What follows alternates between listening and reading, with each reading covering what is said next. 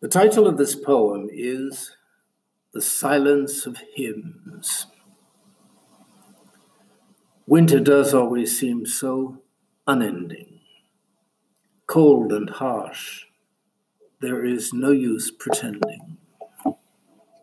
I walk by the garden where no flowers grow.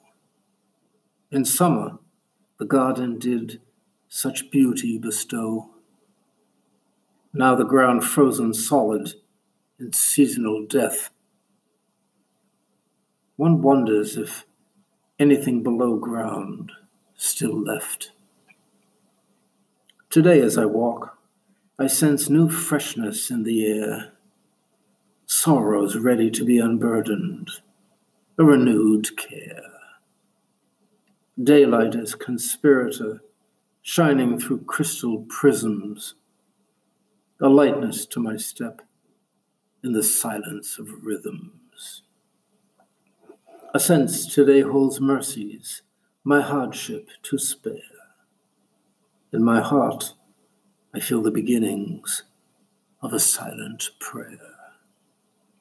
As I walk by the garden, I hear the silence of hymns.